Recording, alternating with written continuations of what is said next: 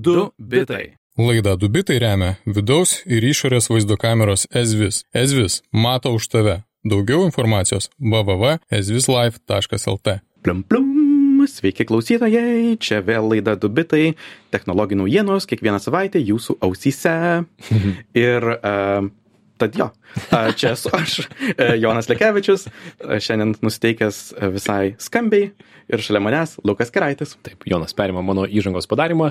Sveiki visi, šiandien mes nesikalbėsime apie naujienas. Jeigu kažkas įvyko pasaulyje labai svarbaus, atsiprašome, laidą įrašinėjom šiek tiek anksčiau, bet tikrai nenusmilkite, kadangi turime tikrai įdomią, tikiuosi, temą.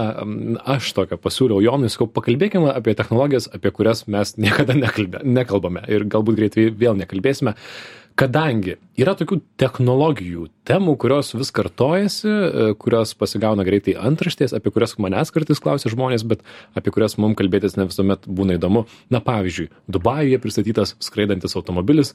Tokią antraštę matau gal sakykim du kartus į metus. Mhm. nesvarbu kad pristatytas automobilis ten kurį nusipirks galbūt vienas milijonierius kažkas vis tiek ateina ir sako ar ar matei tą tą naujieną? Žinok čia po poros metų visi skraidysim. Ir aš sakau na neskraidysim Čia kaip dar. uh, kažkas daro straipsnį. Mačiau kažkokį puslapį, kur skaičiuoja, kiek kartų Marse buvo rastas vanduo. Taip, taip, taip, vis tas pats apie tą patį. Hologramos, ar ne? Kiek kartų apie hologramas kalbėta? E, išmokai kompiuterį skaityti mintis. Šitą antraštę jau mane irgi baigia į kapus nuvaryti. E, dronų pristatymas ir kitos technologijos. Šiandien norime skirti šiek tiek laiko technologijoms, kurios niekaip neteina. Tai yra apie kurias kalbame metus, dešimt, o galbūt ir 50 ir kurios yra, na, vis dar ant ribos, tarsi už kampo, tarsi tuoj tuoj, bet, e, bet dar ne dabar. Tad šiandien aptarsime kelias vaizduotę žadančias, bet e, burnos aušinimo ne visada vertas technologijas ir pakalbėsime, na, kurios šią akimirką yra. Tai pasitengime padaryti tam tikrus mažus e, apskaičiavimus. Aš galiu pradėti nuo pirmos technologijos, kuri niekaip nepakyla ir man buvo labai įdomu papildomai pasidėmėti tai, kasgi vyksta šitame pasaulyje. Siuntų pristatymas dronais. Taip pat daug kartų apie tai kalbėta ir tai lyg ir, lyg ir šią akimirką, sakyčiau, atsispiria nuo žemės. Tad aš kalbėsiu apie Junktinės valstijas, e, tikrai padariau nemažą paskaitimą, kasgi pristato ar nepristato dronais pagaliau siuntas. Yra trys ar keturios įmonės, kurios turi jau federalinės aviacijos administracijos reikalingus sertifikatus, sertifikat, sertifikatus kuriais galima naudotis siunčiant autonomiškai dronus. Tai yra Amazon, Wing Aviation, iš esmės Google, a, jų, jų, jų įmonė Alphabet bei UPS, tai yra na, pristatymo firma. Tai pirmiausia, Amazon Prime Air, jinai jau šitame, ši praėjusios savaitės pranešime pati pripažino, kad pristatymo dronais pažadas yra tarsi uh, science fictionas, kurios niekaip neteina. Mokslinė Mes fantastika. dirbame ties to jau dešimtmetį ir jie tai nemeluoja. 13 metais Jeffas Bezos sako, kad mes dronais pristatinėsime po penkerių metų. 19 metais Amazon Prime pagaliau išbandinėja savo aplinkoje pristatymus dronais. Ir Šiais, šiais metais per penkis, per keturis mėnesius jau turėjo penkis susidūrimus. Žiniasklaida sako, kad darbuotojai jaučiasi lyg programa būtų skubinama.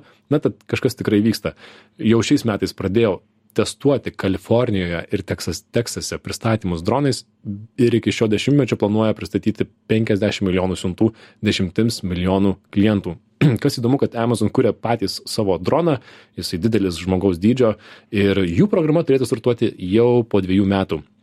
Neva 25 metais 32 lokacijose bus pristatinėjami uh, siuntiniai dronais. Aš, aš labai gerai atsimenu tą 2013 metų tokį paskelbimą.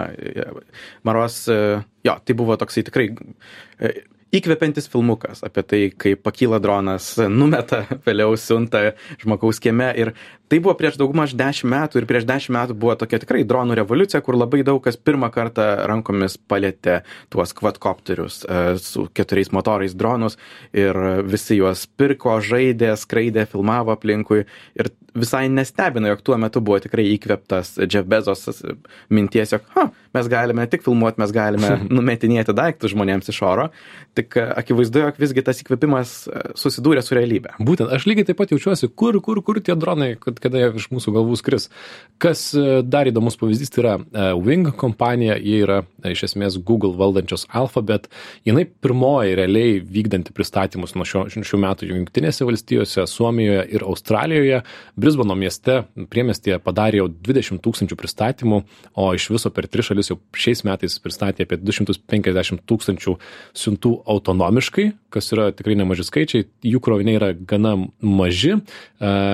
Kas įdomu, kad, e, a, Amazon, jie, atsiprašau, Alphabet, jie pristato ne autonomiškai, o jie turi darbuotojus, kurie yra įstatomi į bokštelius gana aukštus prie parduotuvių ir skraidina tuos dronus žmonėms, kuriems, kurie to užsisako, kadangi yra ta vadinamoji taisyklė, kuri prašo, kad reikia e, matyti, kur skrendi, e, kad, kad galėtum valdyti tą, tą droną. Tad e, Brisbanas Australijoje iš esmės pirmauja šitoje srityje, nes nei ten vienas dronas įsitampė į laidus, nu, nukrito degdamas, tai vietiniams nelabai patiko. Ups. Bet e, jų, e, be to, dronai yra patys gražiausi, aš jiems tai papasakosiu. Hmm, labai gerai, čia svarbi kategorija dronam, skrendančiam virš galvos. Gerai, dar kitas yra Walmartas, žinoma, parduotuvė Junktinėse valstijose. Uh, jie nuo 21 metų su startuoliu Ziplines testuoja, testuoja savo pristatymus dronais Ir, a, aš turiu atsipainioti, tai jie visgi įstato žmonės į bokštelius mhm. ir 50 mylių spindulių gali pristatyti su lėktuvėliu siuntą, o pusantros mylių spindulių gali pristatyti siuntą uh, su jau quadcopteriu tad atsiprašau vingai jie naudoja autonomiškus dronus tuos mažus mažus mažus e, turi nemažai ambicijų planuoja kad šiais metais išsiplės iki trisdešim keturių lokacijų ir keturis šimt keturis milijonus šeimos šeimų ūkių jau pasieks e, tad visai nemaži pasiekiamumai tad ši tema kaip aš išsiaiškinau palengva atsispiria nuo žemės. McKinsey Co. analitikos kompanija skaičiuoja, kad šiais metais kasdieną yra pristatoma apie 2000 siuntinių dronais visame pasaulyje, bet na, iki dešimtmečio pabaigos tai turėtų pasiekti didelį, didelius kiekius. Iš tų įmonių, tai į mano burbulą labiausiai turbūt pasibeldžia tas e, Walmarto Zipline, nes aš jį taip pat dar girdėjau tame kontekste, kur Zipline tie lėktuvėliai naudojami kritiškai greitai pristatyti tam, tikras, e, tam tikrus objektus, mhm. pavyzdžiui, transplantuojamus organus ir, panašius dalykus, arba kraują. Um, tad e, vėlgi tai yra visai toks įdomus, tai ne vien tik, tai, vien tik patogumo siekiant, bet kartais tokio kritiškai greito pristatymo. Taip, tai, tai iš tikrųjų veikia. Ir Ziplanas turi startuolį ir Afrikoje, kur pristato kraują visai sėkmingai. Tad štai mano pirmoji technologija, kuri niekaip neteina, bet kaip matote, padėjau išsiaiškinti pats savo, kad, kad jau vėl atrodo, jinai yra ant mūsų durų slengščio. Kalbant apie tas technologijas, kurios nusipelno, gauna žymiai daugiau antrašių nei nusipelno, mano numeris vienas labiausiai erzinantis dalykas yra humanoidiniai robotai. Aš manau, jie į tas antraštės patenka taip dažnai todėl, jog labai neretai technologijų pasaulyje reikia iliustruoti kažkokias abstrakčias temas, dirbtinį intelektą, kuris šiaip yra tiesiog didžiulė matricų daugyba, bet nenori tiesiog rodyti matricų skaičiukų, nori parodyti kokį nors robotą ir tada pagalba ant šoka humanoidai ir turbūt e, numeris vienas labiausiai erzinantis pavyzdys būtų Sofija robotas, kurį turbūt visi yra matę. Ar tai yra geriausias pokalbio dirbtinis intelektas? Absoliučiai ne. Turbūt net 10 procentų e, intelekto nepasiekia to, koks yra iš tiesų um, kokybė pasiekta. Tačiau, kadangi atrodo kaip žmogus, geba judinti lūpas, žiūrėti ir taip toliau, žmonėms atrodo, jog tie robotai turi žymiai stipresnę sąmonę nei iš tiesų turi, nes vėlgi atrodo kaip žmogus, kalba kaip žmogus. Ir aš manau, tai turbūt ir yra net minusas viso šito tokio polinkio taip smarkiai iškelti humanoidinius robotus kaip kažkokią sėkmybę, todėl jog žmonės kartais gali netinkamai įvertinti iš tiesų, kokie yra dirbtinių intelektų ar net tų pačių robotų pasiekimai, kai vienas iš kriterijų tampa, kiek tai panašu į žmogaus formą, į žmogaus odą ar akis, kas absoliučiai nesusiję su visa šita technologija. Um, vienas iš argumentų, kodėl taip svarbu vystyti humanoidinius robotus, kurį mėgsta sakyti Elonas Muskas, bandydamas pagrysti Tesla bot, uh, kurio pavadinimas yra Optimus, prasme, jis uh, mini, jog visgi mūsų esamas pasaulis visgi yra sukurtas žmonių formos padarams, mums. Mhm. Tad kodėl nekurti žmonių formos robotų, kurie gebėtų naudoti mūsų įrankius, lipti laiptais, atidarinėti duris, bet aš asmeniškai esu ganėtinai skeptiškas tam ir manau jog visgi sėkmingiausi robotų pavyzdžiai puikiai parodo kaip neverta savęs apriboti kažkokių žmonių formomis nes žmonės yra itin smarkiai iševoliucionavę mes turime labai geras baterijas su savo virškinimo sistema turime labai kompaktiškus motorus. Tuos pačius e, apribojimus uždėti robotams yra labai didelis labai toks stiprus apribojimas ir aš nežinau visgi kiek svarbu tas antraštes taip kelti. Bet be to, kad pagauna daug antraščių, na, dvi industrijos, kurios labai nori humanoidų robotų, tai yra slauga, ypatingai, pavyzdžiui, Azijoje, Japonijoje, bei be abejo sekso industrija, kuri ieško, e, kaip panaudoti šitus robotus. E, jeigu kam įdomu daugiau šitą temą, tai Hiroshi Shiguro yra, na, toksai humanoidinių robotų krikštatėvis Japonijoje, yra tekę kalbinti žmonių, kurie buvo pas jį apsilankę, tai tikrai, tikrai įspūdinga, bet mes su Jonu pritarėm, kad tai yra tokia overhypinta tema, kur tie robotai, žinokit, jie dar tiek negali padaryti padaryti, kiek jums pažadės šitą antraštė. O žinių radijo klausytėjim priminsime, kad girdite laidą Dubitai. Įprastai čia primename, kas vyko pasaulyje naujo per praėjusią savaitę. O šiandien skiriame laiko pakalbėti apie technologijas, kurios yra dažnai antraštėse daug garsesnės negu realybėje. Parinkome jų pavyzdžių. E, dar viena technologija, kuri man kliūna į akį, tai pasakysiu, technologija, kurio, kuri ateina, ateina, bet taip ir neteina, tai yra išmanus lešiai ir hologramos. Ir visai nesnei, tarp kitko, lietuviškame Facebook'e mačiau vieną straipsnį, kuris buvo gausiai dalinamasi, tai buvo apie Mojo Vision e, įmonės išmanės, išmanius lešius. Norėjau šiek tiek pasigilinti, bet iš esmės jie yra tikriausiai pažangiausi rinkoje, tad noriu papasakoti apie juos, nes tikrai, tikrai įdomu. Tad, žodžiu, Mojo Vision, tokia įmonė, kuri nuo 2015 metų jau surinko virš 2 milijonų dolerių e, investicijų. Šiais metais paleido savo tokį projektą, prototipą, veikiantį prototipą, mažą išmanę, mažą išmanų lęšį. Viduje mažas LED ekranas, pusės milimetro pločio, 280 ant 280 pikselių, jeigu kažkam įdomu. Jie labai arti akies, tad tai vadinama yra mažiausių ir tankiausių pasaulyje LED ekranu. Akies akimo sensoriai jame yra tie patys dalykai kaip mūsų išmaniuose telefonuose, kurie leidžia sekti, kur, kur, kur, kur žiūri akis. Ir na, viskas sudedama ant origami primenančios spausdintos schemos išlenkama ir dedama į medicinoje naudojamą lęšį, kuris nėra šiaip minkštas, šlapės, kaip įprastai, jis toks gana kietas. E, kas jei išbandytų šitą lęšį, viską matytų viena žalia spalva, bet galėtų valdyti viską savo akių judesiais, tarsi su prožektoriumi šviesum tamsuje. Kur pažiūrėti, ten, ten ir matai. Tad tikrai labai įdomus dalykas, gausybė klausimų iš technologinės pusės, kurių jie neatskleidžia. Jie sako, tai yra medicininis įtaisas, siekime, kad kitais metais patvirtintų Junktinių valstybių medicinos visokie pareigūnai, kam tik reikia patvirtinti. Ir pirmiausia, bandysime pritaikyti sporte, bei taip pat žmonėms su regėjimo negale įskirsime jį, kad, pavyzdžiui, galėtum per lėšius paryškinti objektų kontūrus ir juos neatsitrenkti. Arba galbūt netgi projektuoti vaizdą į lėšius iš akinių žmonių, kurie turėtų gerą kokybišką kamerą ir tau permestų kažkaip vaizdą į lęšį, nežinau kaip tai atrodytų. Bet e, vėlgi technologija be abejo detalių jie neatskleidžia, iš kaip jie suteiks reikiamą baterijos kiekį šitiems lęšiams. Didelis, didelis klausimas, ar ne? Viena didžiausių inžinierinių um, problemų. Bet vis tiek, pasižiūrėjus, įdomu, įdomu, kas nenorėtume gyventi su lęšiais, kurie turi mažą ekraną. Čia tikrai yra mhm. mokslinė fantastika šitoj technologijoj yra tikrai labai daug tokių smulkių niuansų nes visi tie komponentai jie turi labai skirtingas tokias miniatiūrizavimo kreives kur pavyzdžiui ekranėliai jie labai sėkmingai miniatiūrizuojasi ir juos perdėti į lęšius jau darosi visai įmanoma. Tačiau baterijos yra tas komponentas kuris iš tiesų labai sunkiai susispaudžia. Jis jis yra tam tikro dydžio ir jeigu nori jog būtų kažkiek vatų, tai turi būti tam tikro tūrio. Tad labai įdomu vėlgi, kaip šita technologija bus stumiama būtent į tą pusę. Ir e, kita technologija, kuri, manau, irgi sunkiai minimalizuojasi, arba galbūt sunkiau minimalizuosis, tai bus kameros su joms reikalinga optika.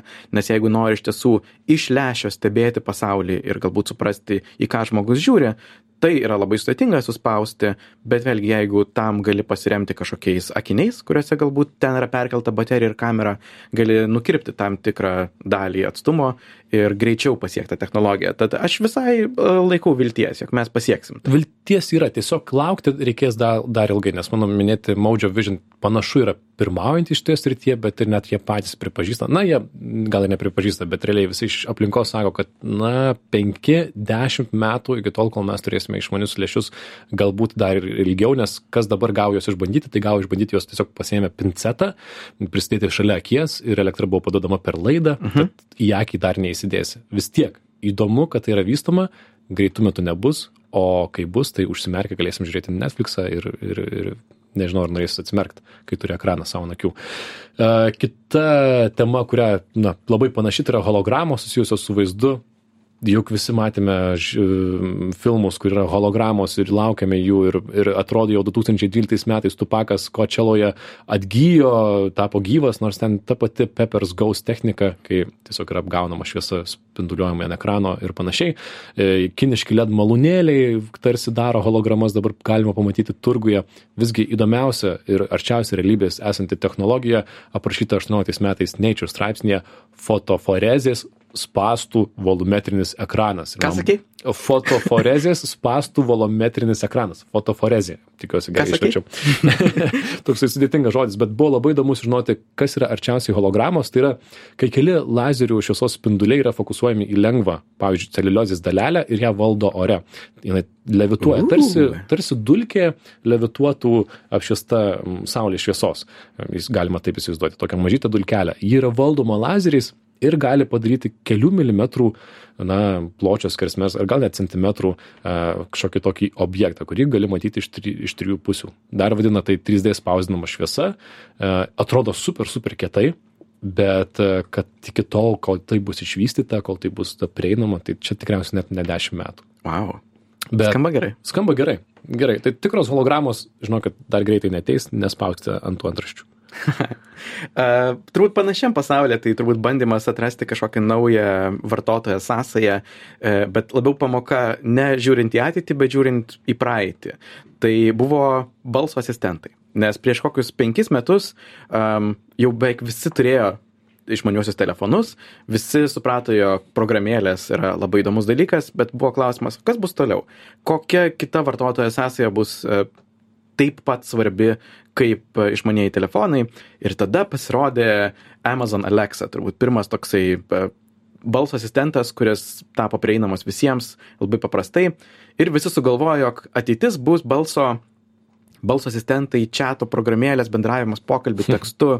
Atsirado daugybė startupų, kurie pradėjo kurti visokiausius sprendimus nuo prekių, batų užsakymo per pokalbių programėlės iki net skrydžių rezervavimo balsu. Realybėje pasirodė, jog visgi niekas nenori to daryti, mieliau tiesiog sėdi prie kompiuterio ar, ar telefono ir, ir daro tą, negu tiesiog šnekėdami su cilindru savo namuose ir bandydami išaiškinti, kilintos vietos lėktuve nori. Kad ir kaip rinkodaros skiriai bandė prastumti šią idėją, kad žinokit, jaunimas dabar jie, jie neberašo, jie nori kalbėtis. Taip.